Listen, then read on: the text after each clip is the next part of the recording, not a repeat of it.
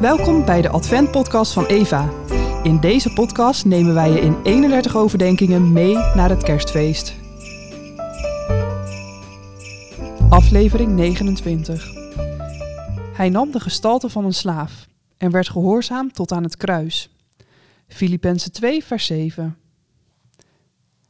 Met kerst zie je al iets van Goede Vrijdag gebeuren. Want Jezus kon als babytje zelf nauwelijks iets. Anderen moesten hem vervoeren en hem voeden. Hij was weerloos. Ook aan het kruis kon hij zich nauwelijks bewegen. Anderen gaven hem te drinken. Weer was hij overgeleverd aan zijn omgeving. Zo nam hij de gestalte aan van een slaaf. Slaven zijn weerloos. Ze worden gezien als gebruiksvoorwerpen en hebben evenveel rechten als machines. Geen.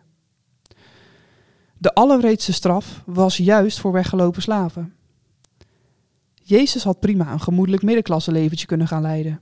En daar leek het in zijn eerste dertig jaar ook op. Timmerman was geen slecht beroep. Maar er was meer.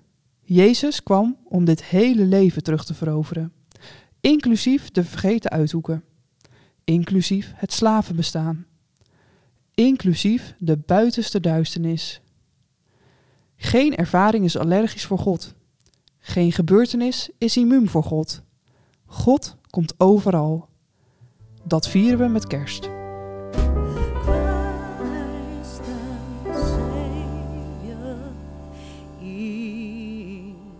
Born.